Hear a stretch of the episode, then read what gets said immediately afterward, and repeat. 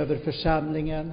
Vi bekänner dig som Herre över den här stan och över det här länet och över hela vårt land. Jesus Kristus, du sitter på tronen och du regerar och jag tackar dig för att du har lagt alla dina fiender eh, eh, under dina fötter Jesus. Jag bara prisar dig för att du råder och regerar över oss och över eh, de områden som det här området i, eh, som heter Jämtland Jesus. Jag bara tackar dig. Jag tackar dig Jesus Kristus för din nåd, för din barmhärtighet eh, och för din välsignelse. Halleluja. Tack Jesus. Tack Jesus. Eh, jag vill först och främst eh, bara poängtera just det här med tältkampanjen. Eh, att eh, egentligen så blir det ju så nu under det här året och vi kan ju börja på första dagen här första gudstjänsten så, så kommer det här året att präglas utav inriktning just med fokus på den här tältkampanjen. Egentligen allt vad vi gör och allt vad vi eh, pysslar med och sysslar med så, så blir det en, en inriktning. Och eh, det känns väldigt bra egentligen. Därför att vi vet att eh, eh, Gud han vill att alla människor ska bli frälsta, eller hur? Så när vi ställer oss med i en sån här kampanj som församlingar i den här stan och vi hoppas också att eh, Eh, församlingar och grupper i hela det här området och hela Mellannorrland här, ifrån kust till kust. vi gör anspråk på Norge nämligen. Eh, därför att vi har märkt att det finns ett, eh, det finns ett intresse också över, över gräns, landsgränsen här att vara med, stötta upp och, och, och hjälpa till. Och erfarenheten ifrån eh, de andra städerna nu, platserna som, eh, som hade kampanjen förra sommaren, är att eh, eh, det kom människor ifrån stora delar av vårt land till de här kampanjerna. Och även människor som blev frälsta. Vilket betyder att i ett uppföljningsarbete så behövs, eh, behöver vi eh, eh, så många människor och församlingar som möjligt som är beredda att vara med för att eh, eh följa upp och bärga den skörd som, som kommer att bli. Eh, och jag tror att har vi det i för våra hjärtan, den sinnebilden, och utifrån våra hjärtan så, så, kommer, det, så kommer vi att se resultat utav kampanjen. Eh, så det är bara att ta på, kavla upp ärmarna här under det här året. och, och, och ta, ta på arbetskläderna för Guds rike. Skördarbetet. Eller hur? Ja, jag hör ju. Jag hör hur ni ropar halleluja i era hjärtan. eh, vi kommer ju också att starta eh, de här eh, gemensamma bönetillfällena också eh, som församlingar. Eh, jag vet att det har gått ut en, en planering som eh, börjar nu den 13 januari. Kommer att, att bli en eh, bön eh, för kampanjen med inriktningen då, då kampanjen eh, måndag den 13 januari i Hornsborgskyrkan på Frösön mellan klockan 18 och klockan 20. Så vi försöker att, att möta upp där. Vi ska konfirmera också att de andra datumen stämmer eller också kommer det att bli lite förändringar. Men det här datumet stämmer i varje fall. Eh, 13 januari. Eh, och eh, jag tycker också att eh, det ena bönetillfället drar inte ifrån det andra. Eh, det Joel pålyste här den 16 januari är jätteviktigt och det är en del i, i också ett förberedelsearbete för vi tror att många Eh, eh, nysvenskar ska komma på kampanjen. Eller hur? Eh, nyanlända och nysvenskar, de som har fått uppehållstillstånd och de som inte har fått det, eh, kommer att komma eh, och bli berörda utav den heliga Andes kraft och evangeliet. Eh, så vi bara har det här som en inriktning, jag ville säga det här. Eh, och ehm, så kommer vi då också att göra som Monica Severin sa. Så kommer vi att eh, varje samling vi har så viker vi en, eh, några minuter till och ber specifikt för eh, kampanjen. Eh, och det som ligger högst upp nu på agendan i, när det gäller böneämne, det är tältplats. Så alla får, får ta med sig det härifrån också. Tältplats, det ska vara den bästa platsen och Herren ska öppna dörrarna för och ge oss kontakt med de rätta personerna. Vi har redan kontaktat personer, men jag tror det är lite för låg nivå på de tjänstemännen. Vi ska högre upp så att det blir lite resultat. och vi har den som är högst upp över alla, eller hur? Och det är Gud, vår far. Jesus Kristus och den helige Ande. Det är honom vi, vi följer och han kan öppna dörrar Eh, och öppna människors hjärtan. Det kommer att bli så välsignat för den här delen av landet, den här kampanjen. Det kommer att penetrera i samhällskroppen, samhällsfunktioner.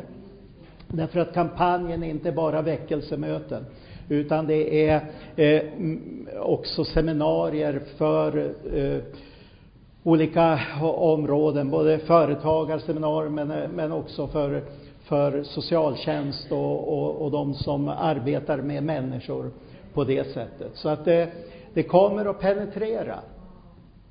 Och det kommer att väcka respekt också.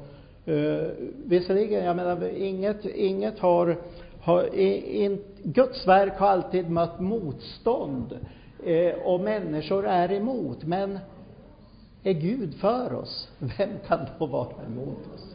Det är liksom utgångspunkten för oss.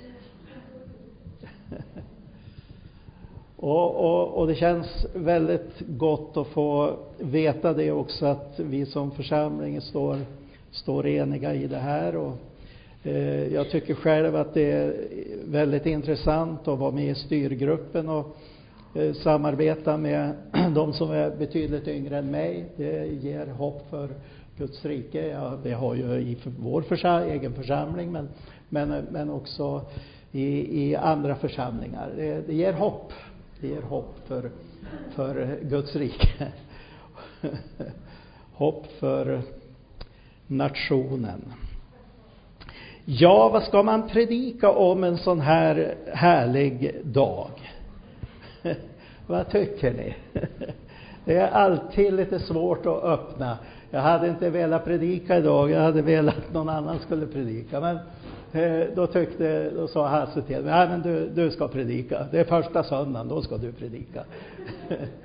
och, och, och då får jag böja mig för, eh, för det. Eh, och ehm,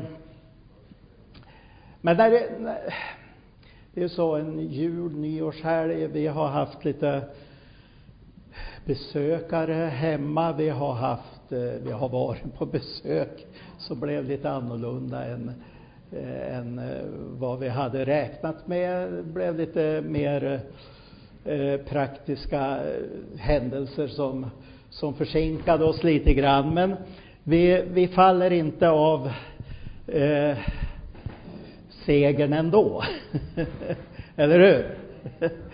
lite triviala saker eh, som, som händer med, med våra materiella Eh, tekniska eh, hjälpmedel och fortskaffningsmedel. Det, det, det kan krångla. Eh, och, och, eh, men vi har den heliga Ande, eller hur? Men någonting som man försöker, jag försöker i varje fall hela tiden, det är, det är att, så att säga, få en, vad ska man säga, Eh, kanske är för att, eh, att eh, man har haft, jag har haft den funktionen som jag har haft i, i alla år, att man vill, jag vill på något sätt hitta vägen framåt. I mitt eget liv. Andra människors liv vill man också, är det någon som kommer och undrar vad ska jag göra? Ja, då vill man se liksom hur, hur nycklar ges och Eh, ett råd kan, kan ge liksom en, en eh, pusselbit på vägen framåt. Eh, så är det också med Guds ord, hur vi delar Guds ord. Och för mig har det många gånger varit så att jag har försökt att hitta vägen framåt i, när det gäller att dela Guds ord. Och här innan jul, innan, ja, någon månad innan här så började jag ju att tala lite grann utifrån Efesebrevet, därför att jag ser att Efesebrevet innehåller många nycklar eh, för att förstå eh, det andliga livet och den, den väg som vi ska gå och den gemenskap med Jesus som vi har. Och den identitet som vi har i Kristus Jesus. Eh, det finns många nycklar i hur eh, vi ska leva och vandra i den helige Ande. För det vill vi alla göra.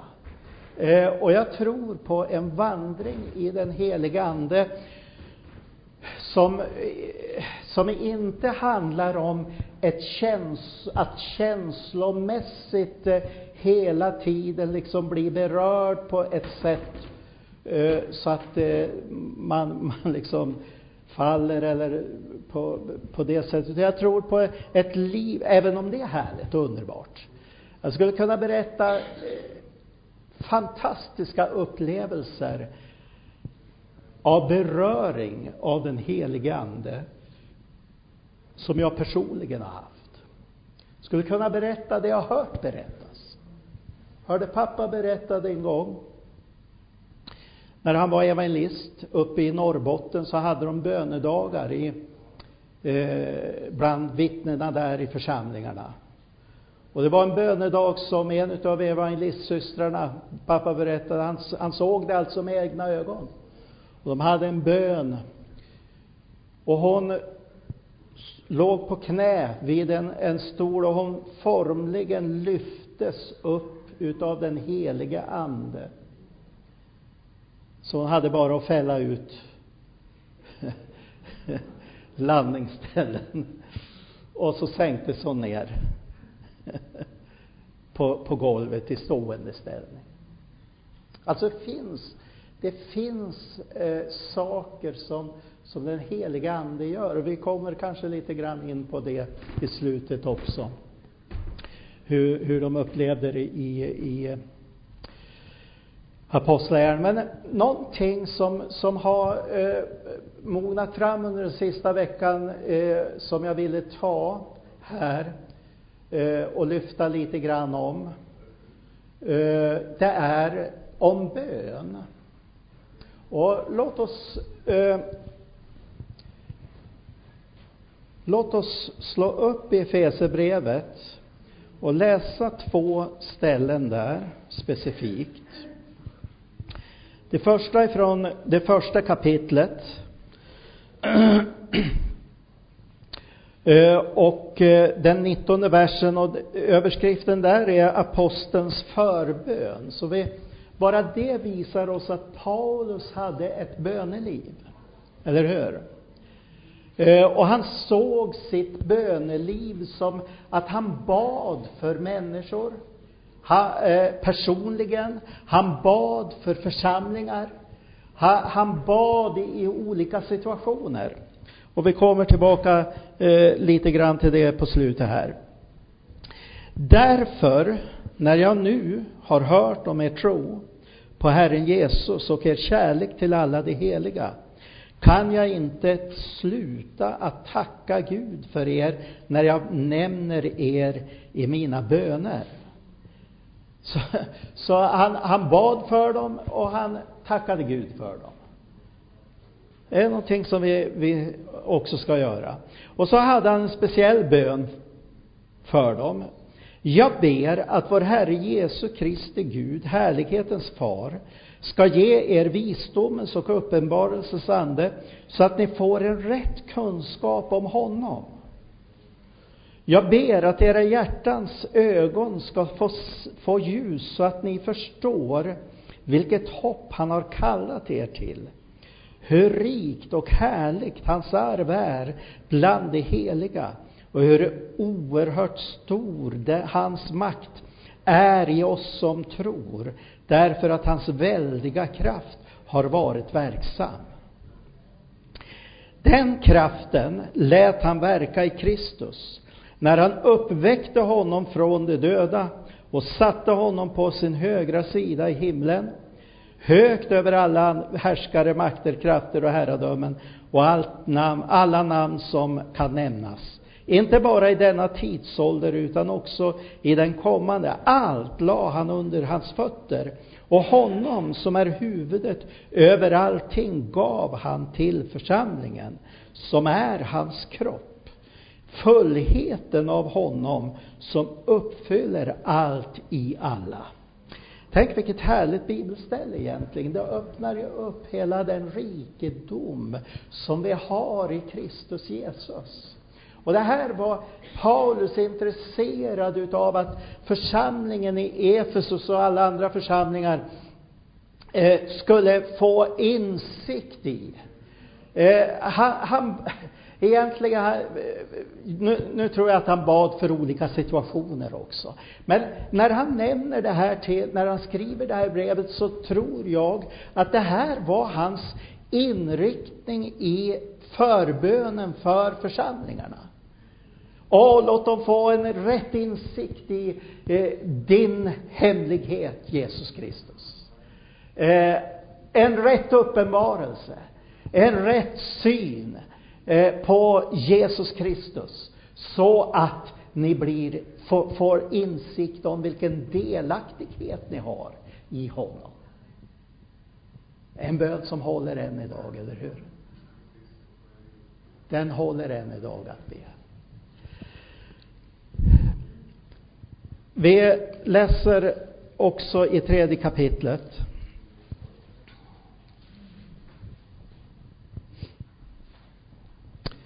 Eh, från den fjortonde versen. Därför böjer jag mina knän inför Fadern, han från vilken allt som kallas för far i himlen och på jorden har sitt namn. Jag ber att han i sin härlighetsrikedom ska ge kraft och styrka åt er inre människa genom sin ande. Att Kristus genom tron ska bo i era hjärtan och att ni ska bli rotade och grundade i kärleken då ska ni tillsammans med alla de heliga kunna fatta bredden och längden och höjden och djupet och lära känna Kristi kärlek som går långt bortom all kunskap. Så ska ni bli helt uppfyllda av all Guds fullhet. Han som kan göra långt mycket mer än allt vi ber om eller tänker oss genom den kraft som verkar i oss. Hans är äran i församlingen och i Kristus Jesus genom alla generationer i evigheternas evighet. Amen. Vilken bön! Vilken bön! Så koncentrerad och så kraftfull. Så enkel egentligen. Eh, och eh, det, som, det som jag känner här är viktigt och det, det som också de här bibelställena har berört, eh, det vi har läst här. Och det finns många, många andra bibelställen som också berör det. Och vi kommer att komma tillbaka till det eh, framöver här. Eh, men det som jag tänker på i relation till bön, det är att vi inser vilken position Jesus har. Eller hur? Vi, vi, vi går inte ifrån liksom den position som Jesus har. Vad har han för position? Har han en nederlagsposition? Har han en, en, en, eh, en 25-procentig segerposition? Har han en 50-procentig segerposition? Har han en 75-procentig segerprocession? Nej, han har en 100-procentig segerposition. Det som såg ut som ett nederlag på korset, det var världens största seger. Döden kunde inte behålla honom. Utan han uppstod ifrån de döda. Gud fader själv lät den helige Andes kraft, som är uppståndelsekraften, flöda rakt ner i graven, ner i dödsriket och väckte Jesus till liv. Och så kom han ut ur graven, levande, verklig. Alltså det är ju det som gör den kristna tron till en tro som håller. Eller hur? Den kristna tron är en tro som håller därför att vi har en uppstånden frälsare. En Jesus som inte eh, led nederlag, utan han vann seger. Ja, han vann en evig seger på Golgata kors. Så han besegrade djävulen i sin död och uppståndelse. Han krossade hans huvud. Eh, eh, och, och avväpnade andevärldens furstar och väldigheter och lät dem bli till skam inför alla. När, han, när, när Jesus triumferade över dem. Idag så sitter Jesus på Faderns högra sida. Det är den positionen utav eh, regerande som Jesus har idag. Och Bibeln, Nya testamentet ska jag säga, är fullt utav eh, textsammanhang som beskriver den positionen som han har idag. Och det bästa utav allt, det är ju att vi sitter med honom, eller hur? Men det, det är en annan predikan. Det är en annan predikan. Vi sitter med honom. Vilket betyder också att vi har tillträde till nådens tron, eller hur? Vi har tillträde till nådens tron. Och det är, inte, det är ju också så att han, han inte bara regerar, utan han är förebedjare också. Han manar gott för oss, där han sitter på tronen Eh, eh, på Faderns högra sida. Så manar han gott för oss, han ber för oss. Och då tänker jag så här, då, då blir inte bön någonting svårt. Så tänker jag i varje fall. Då landar jag i eh, att nu, det är slut på mina egna strävanden och min egen kamp och kramp i mitt böneliv. Därför att jag är en som jag ber igenom. Och han har redan bett igenom.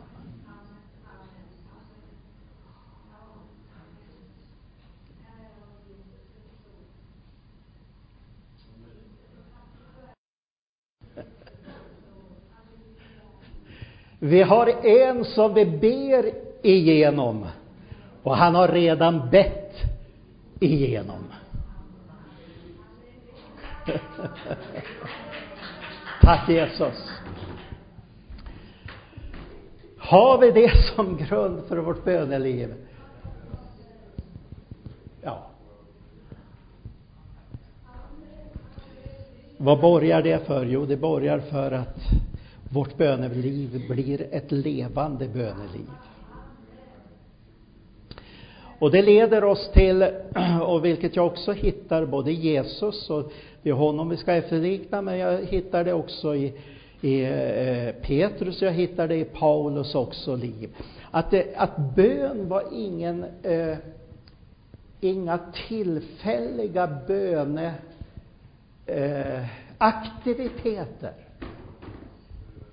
eh. En gång i veckan eller en gång i månaden eller en gång i halvåret eller en gång per år på första advent när jag går i kyrkan. Nej, bön var en livsstil. Det, det är en livsstil för oss. Men vi har bönetillfällen. Vi ser det i hela Bibeln. Vi har bönetillfällen. Det, det, det motsäger inte att säga att det, att det är en livsstil för oss. Pre, precis som, jag menar,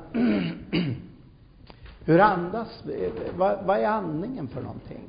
Är det någonting du gör en gång per dag eller en gång i veckan eller? Nej, då skulle det bli dött. eller hur? Nej, vi gör det hela tiden.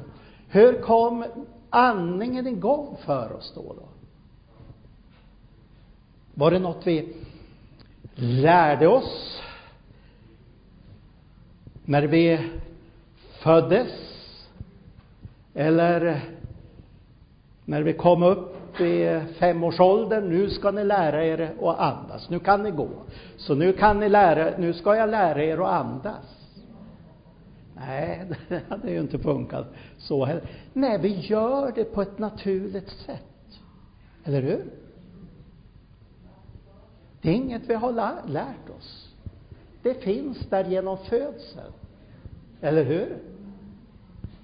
Genom födseln så man brukar säga, säga att man, man gör saker och ting eh, eh, genom födsel och ohejdad vana. Har ni hört det uttrycket? Ja, men alltså, vi tänker inte på att andas. Jo, ibland när jag är ute och går, då, då blir andningen lite så här. Då tänker jag, oj vad jag flåsar. Men normalt sett så tänker vi inte. Vi bara gör det. Det ingår i livet. Bön är någonting vi gör hela tiden. Paulus han skriver det, be oavlåtligen. Ja, så har vi ju försökt att grunna ut, ja men hur ska jag kunna be eh, hela tiden? Det verkar väldigt, jag kan inte sitta, ligga på knä varje timme på dygnet. Och så börjar vi liksom att konstruera någonting. Nej men, var enkel i tänkandet. Visst, vi kan avskilja bön, bönetid och, och, och, och, och så vidare, kortare eller längre tid. Eh, eh, jag har en, en bönetid eh, när jag åker på jobbet. Det tar ungefär eh, 45 minuter. Det är väl använd tid, tycker jag, istället för att bara köra bil och liksom vara eh, fokuserad så. Ja, men då börjar Då finns det där. Andningen finns där. Och jag skulle vilja säga att bön i dess grundläggande bemärkelse är att samtala med Jesus. Samtal med Gud. Det är inte märkvärdigare än så. Det är att ha gemenskap med honom. Och gemenskap med honom är ju inte bara en, en tidshändelse. Gemenskap med honom har vi hela tiden. Och därför så kan vi samsäga med Paulus när han skriver till församlingen i Thessalonika, eh, så kan vi samsäga att vi ber hela tiden. Vi ber hela tiden. Vi har gemenskap med honom hela tiden. Eh, eh, eh och eh, vi samtalar med honom så fort vi kommer åt. Det är klart, när jag samtalar med någon annan människa eller håller en lektion eller vad jag än gör i mitt arbete så har jag ju fokus på det. Men det finns alltid någonting i min ande som pulserar av gemenskap med Jesus Kristus. Amen. Det är så det blir en livsstil. och inte någonting jag ska prestera. Eh, I den livsstilen så lär vi oss vad tro är, vad förtröstan är och vad tillit är. Hängde ni med på det? Därför, jag menar, varför ska vi umgås med någon som vi inte har tro på? ja, men det finns ju inte på kartan egentligen. Varför umgås vi då med Gud, med Jesus? Jo, därför att vi tror på honom. Det är liksom den utgångspunkten vi har. Vi litar på honom. Vi förtröstar på honom.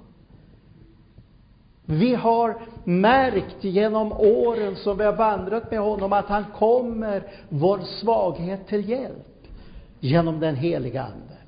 När vi ber om saker i olika livssituationer så har vi sett på förundliga sätt hur han har kommit till hjälp. Välsignat, han har gett oss bönesvar. Ja, jag kanske inte har fått bönesvar på alla mina böner än. Och kommer, så länge jag är på den här jorden så kommer jag att ha bönämnen. Eller hur? Men jag växer i tilliten så att jag också förstår att, ja, kanske jag kan be lite fel om lite fel saker ibland. Eller hur? Och så får vi en förståelse varför, att, varför kanske inte bönesvaret har kommit just på det sättet. Men tilliten finns där. Oavsett vad som händer. När jag läser Nya Testamentet och läser om de människor som det står om där så läser jag att de var inte alltid i de bästa omständigheterna. En, en utav lärjungarna, han, han eh, förlorade huvudet. Han blev halshuggen alltså. Varför, varför kunde det hända? Jo, det var förföljelse. Det är den enkla anledningen. Petrus kom ut ur fängelset genom Guds nåd. Varför hände inte samma med Jakob då? Ja, vi får fråga dem när vi kommer hem. Vi får fråga Jesus. Det är väl den bästa. Det står om, om, om Paulus att han mötte sånt motstånd ibland så att eh, och han hade planer att komma till ställen som han inte kom fram på.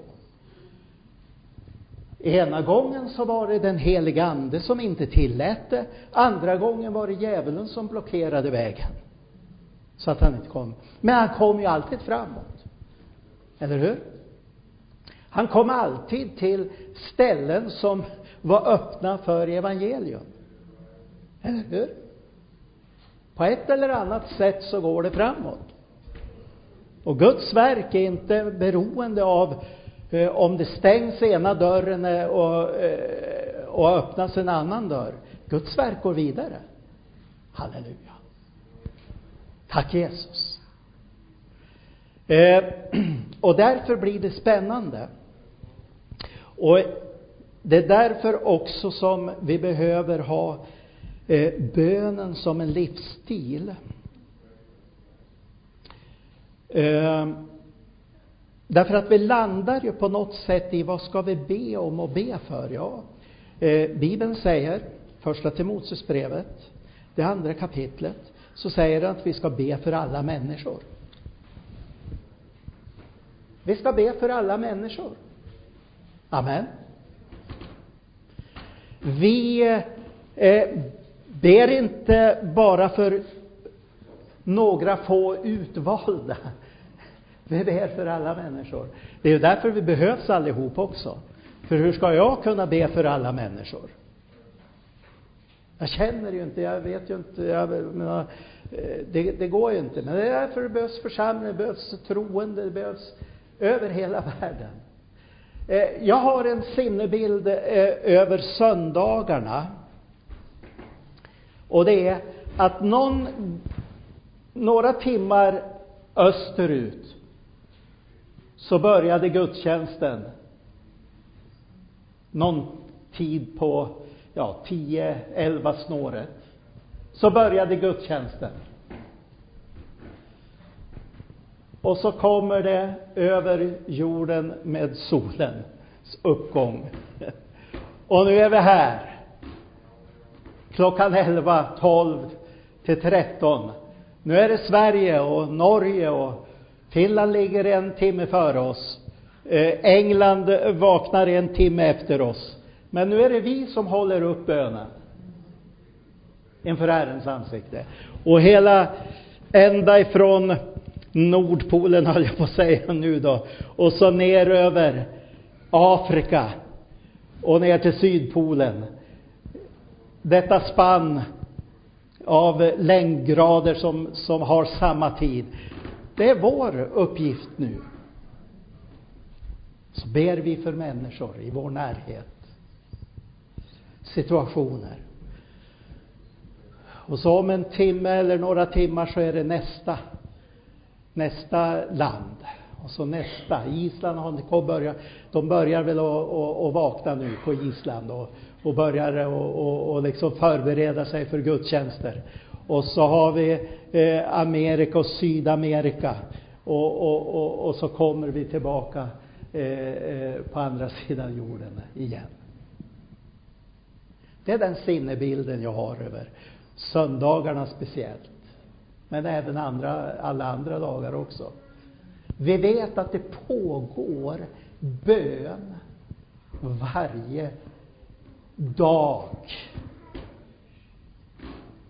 Och varje timme, period, timspann kan man säga, över hela jordklotet. Amen. Så vi kan säga att vi är en, en del av en stor bönerörelse. En världsvid bönerörelse.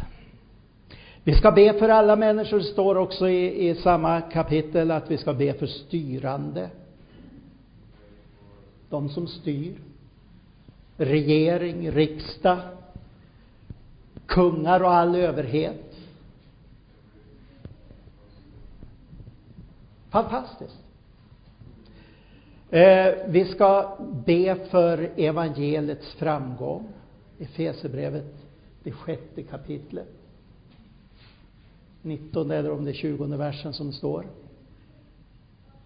Be för predikanter att de får ord. De rätta orden att förkunna evangelium på. Det är ett ansvar, det är, ett, det är en uppgift, det är en bönepunkt. Amen.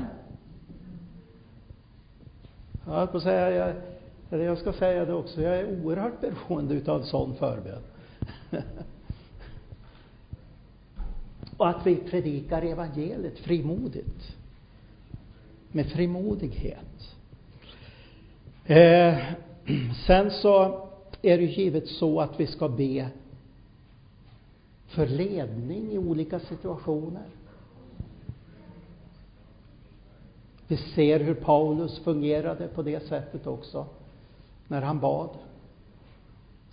Eh, ska nämna några tillfällen så vi hittar i Apostlagärningarna också på slutet här. Kommer snart dit.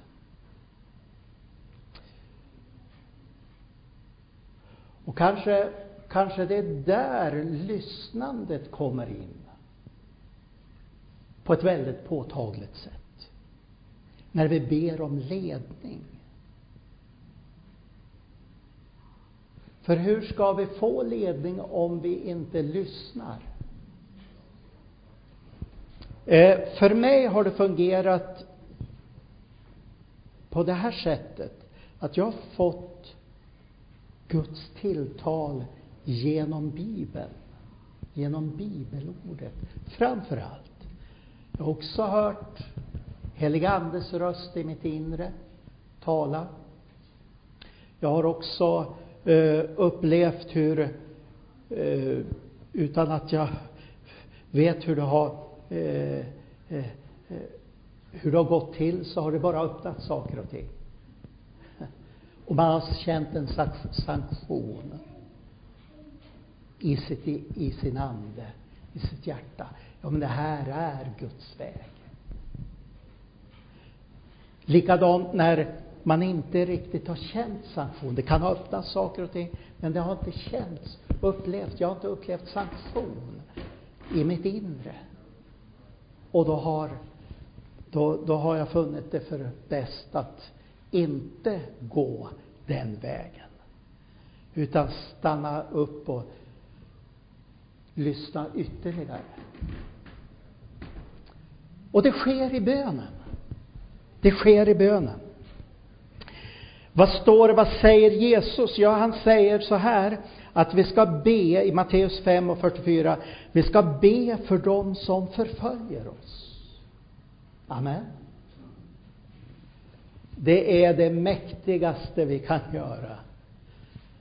Det är att be för dem som förföljer oss, kritiserar oss, har planer emot oss.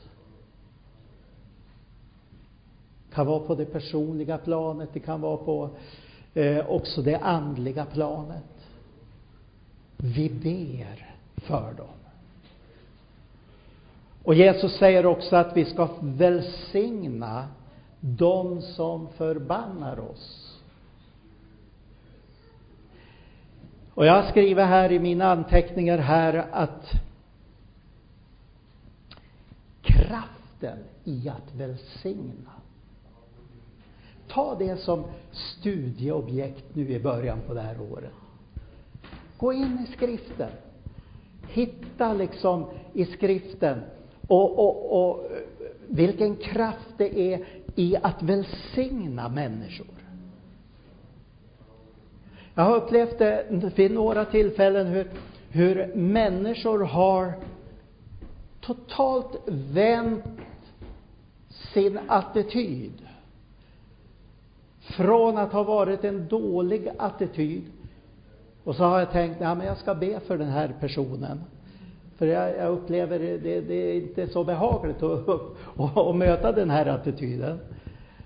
Och då har jag bett. Och jag har välsignat. Och jag har sett mer än en gång hur attityden har förändrats.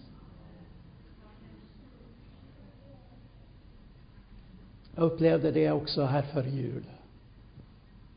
Person som inte hälsade på mig. Ja, hälsat, men eh, inget gensvar. Helt plötsligt så, så börjar personen hälsa på mig. Tack Jesus, säger jag då. Det verkar. Det verkar. Jag tror, jag tror på kraften som finns i den helige Ande och att den frigörs när jag gör det som Jesus säger att vi ska göra. Be, eh, eh, eh, välsigna och evangelium är ju Guds kraft till frälsning. Det finns där för oss. Då ska vi gå in på upploppet. Det finns exempel i Apostlagärningarna. Eh, Jesus han sa ju till lärjungarna, stanna kvar i Jerusalem tills ni från höjden har blivit, eh, blivit beklädda med kraft. De var redan, han, han hade sänt dem eller kallat dem och sagt att ni ska göra egentligen samma saker som jag har gjort här nu under de här tre åren. Så, men ni måste vänta tills ni har blivit, fått utrustningen av den helige Ande. Och det var den helige Ande som, som var utrustningen. Och när de då var i den övre salen och bad, står det, första kapitlet. Så i andra kapitlet, då kom den helige Ande som en stormvind över dem och så satte det igång hela processen av Guds rikes tillväxt. Först i Jerusalem, men sen i hela Judeen, Samarien och så in till jordens ändar. Den heliga Ande är utrustningen. Vilka här är kvalificerade för utrustningen? Alla ja, då vill jag att alla ska vinka med båda händerna. Alla är vi kvalificerade för utrustningen. Halleluja! Det finns ingen specialutrustad skara, utan alla har vi fått den helige Ande. Och det ska vi verkligen poängtera under det här året. Alla behövs för att vinna människor, alla behövs för att, för, för, för att eh, eh, eh, hjälpa människor i tillväxt. Eh, eh, och alla, med, alla kan vara med. Alla kan vara med. Tack Jesus. Så där ser vi hur bönen gjorde. De visste att de skulle stanna kvar. Och de var kvar i bön på den övre salen. Och så eh, kom den helige Ande. I Apostlagärningarna 2. I Apostlagärningarna 2.42 så, så kan vi också urskilja att det är en utav hörnpelarna i församlingens uppbyggnad är bönen. Och då tror jag att det är på det här sättet alltså att när man än samlas, ja det kan vara olika bönetillfällen, men när vi än samlas så finns det någon form utav bön. Amen. När vi än samlas så finns det någon form av bön. De samlades i templet, de samlades i husen, eh, hemma hos varandra alltså.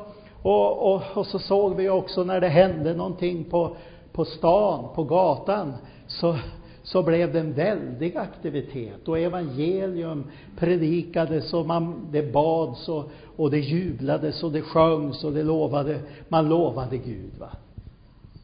Tänk vilken, vilket, vilken livsstil egentligen.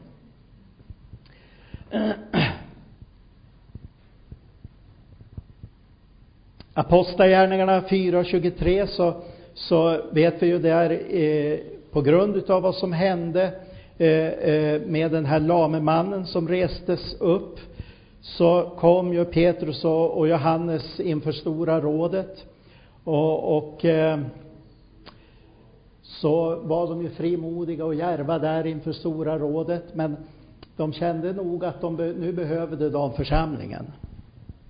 Så 23 versen då står det att de kom till sina egna. Alltså de samlades tillsammans med församlingen. Och så sa de, nu har vi mött det här, nu behöver vi be. Så att vi får, får, får fortsatt frimodighet och predika evangelium.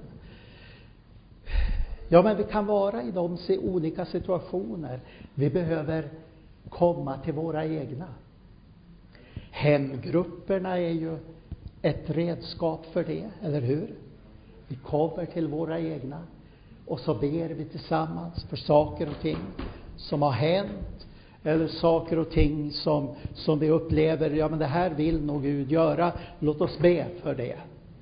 Eh, och så får Guds rike framgång och vi får bli fyllda med frimodighet. Så tider av förföljelse, så bad de. Det finns andra exempel också. Apostlagärningarna 10 och 9 versen så står det att Petrus, han, han väntade på, på, eh, jag vet inte, det var någon bönetimme tror jag. Så gick han upp på taket för att be i det hus som han bodde i då för tillfället. Och så, så blev han hungrig. Hur många är det inte som har blivit hungrig när man ska be? det kommer som ett brev på posten.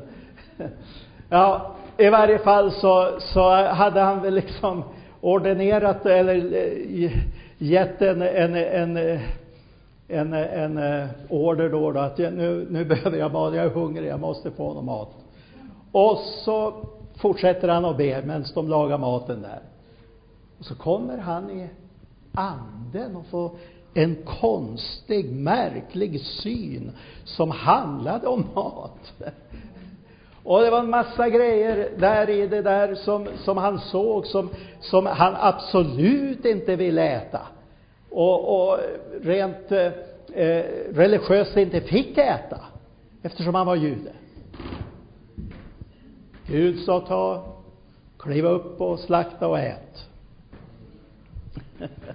och det här hände gång på Så där hände. Alltså, han fick en ledning av den helige Ande. Han förstod inte.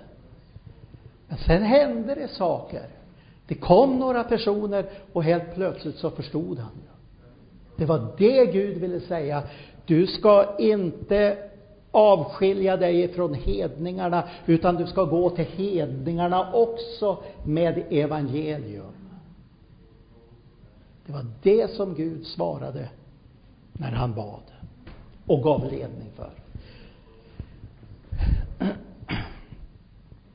Församlingen i Antiochia, Apostlagärningarna 13, så eh, står det att Paulus var involverad i den församlingen tillsammans med eh, eh, andra eh, Herrens tjänare. Och så fastade de och bad vid ett tillfälle och så kommer Gud och, och säga avskilj åt mig Barnabas och Saulus. Paulus alltså. Eh, eh, för det verk som, som jag har, vill att de ska gå in i. Och då bad de ytterligare och så avskilde de dem. Och så kom det en ledning eh, genom den församlingen att Paulus och Barnabas skulle ut på missionsresor. Det händer saker och ting när vi ber. Det var inget som de hade räknat ut och, och liksom skulle be, ja, jag känner det här nu. Det här ska, och så liksom be på, på det sättet. Nej, det var någonting som kom som svar på bön. Det här ska ni göra. Så här ska det gå till. Och så vet vi hur det hela började för Paulus och vilka strapatser han fick vara Eh, eh, eh, involverade i. Men evangeliet hade framgång och Guds rike utbreddes. Och så kommer vi till Apostlagärningarna 27 kapitlet där Paulus egentligen var en fånge och var på väg på ett fångskepp ifrån eh, eh, som, som skulle till Rom. Han skulle ställas inför kejsaren. Då blir det rättegång inför kejsaren. Och så säger han, därför att han upplever, för han levde i bön, så upplevde han tilltal att när de var på Kreta så, så, så upplevde han, nej, nu, nu ska vi övervintra här. Så han sa ju det till översten och kaptenen och alla de som var i ledande ställning att det, det här, så här känner jag, nu ska vi övervintra här. Därför fortsätter vi så kommer det inte att gå bra. Men de trodde inte på honom, för han var ju bara en vanlig predikant. Eh, tältmakare tillika. Eh, så segel kunde han ju säkert eh, fixa till. Men han visste ingenting om båtbyggande eller skepp eller, han, han, han var inte meteorolog. Så när det kom en liksom härlig, underbar sunnan vind, så tänkte de, kaptenen då och då, eh, att eh, nu åker vi, det kommer att gå jättebra. Men det gick inte bra. Och så kom de i den belägenheten att de hade kastat allt över bord och var ju beredd att dö själv, förstår vi. Då kom Paulus upp ur sin kajuta. Vad tror ni han hade gjort där då? Ja, jag tror, jag, jag, jag är så naiv och så enkel, så jag tror, jag tror att han, han hade bett. Han hade bett han. Så kom han upp, sa, ja, ni borde ha lytt mig. Men det fanns ingen fördömelse över, eller dom över, över, över det han sa. Han sa bara sanningen, ni borde ha lytt. Ni ser ju nu, jag hade rätt. Ni borde ha lytt mig där borta. ja. Men, sa han, i natt kom en ängel ifrån Gud och sa, att ingen kommer att, att mista livet här. Utan eh, ni kommer alla att överleva, men skeppet kommer att, eh, att sjunka. Det kan vi inte rädda. Men eh, ni kommer alla att överleva. För jag tror att det Gud har sagt, så kommer det att ske. För jag har tjänat honom i alla dessa år och han har inte felat någon gång i sin ledning och i sitt tilltal. Nej. Men nu har ni kämpat här i flera dagar, jag tror det var i två veckor eller vad det var. Och ni har inte ätit speciellt mycket. Så nu, fram med den mat vi har kvar nu. För det här behöver vi. Och så bad han Gud välsigna maten. Den bordsbönen skulle jag vilja ha hört faktiskt. Så man bad i den, i den stunden. Jag tror det var inte en, en vanlig bordsbön, gode Gud välsigna maten, amen. Utan det innehöll nog lite till. Eh, därför att eh, de blev väldigt andäktiga allihop. Eh, och så åt de och kände styrka. Och så löpte det på det sättet. Skeppet gick under, men alla blev räddade. Och så kom de upp på den där ön. Var det Malta? Tror jag. Ja. Och så fick de träffa han som eh, eh regerade där. Och han var sjuk. Och så blev han frisk. Och så kom alla de sjuka på den där ön och alla blev friska. Själv så var det en orm som bet i, i Paulus hand. Och nu tänkte de att han kommer att dö. Han var en brottsling, nu fick liksom han domen. Han bara skakade av den i elden och så. Så överlevde han. Och det blev ett tecken på att det fanns en Jesus som var levande och verklig. Och folket blev frälst på den där ön. Fantastiskt! Mirakel. Och framgång för evangelium trots dessa eh, eh, praktiska förhållanden som de, de var i. Bön. Bön. Jag hoppas att du har känt en, en eh, uppmuntran i bön och att Gud svarar på bön. Genom det vi har läst här. Halleluja. Ska vi be tillsammans här? Jesus, jag tackar dig. Jesus, jag tackar dig för den uppmuntran du har gett oss allesammans genom ditt eget levande ord. Jesus, låt det livas upp i oss. Och låt oss få se att du gör saker därför att vi ber Jesus Kristus.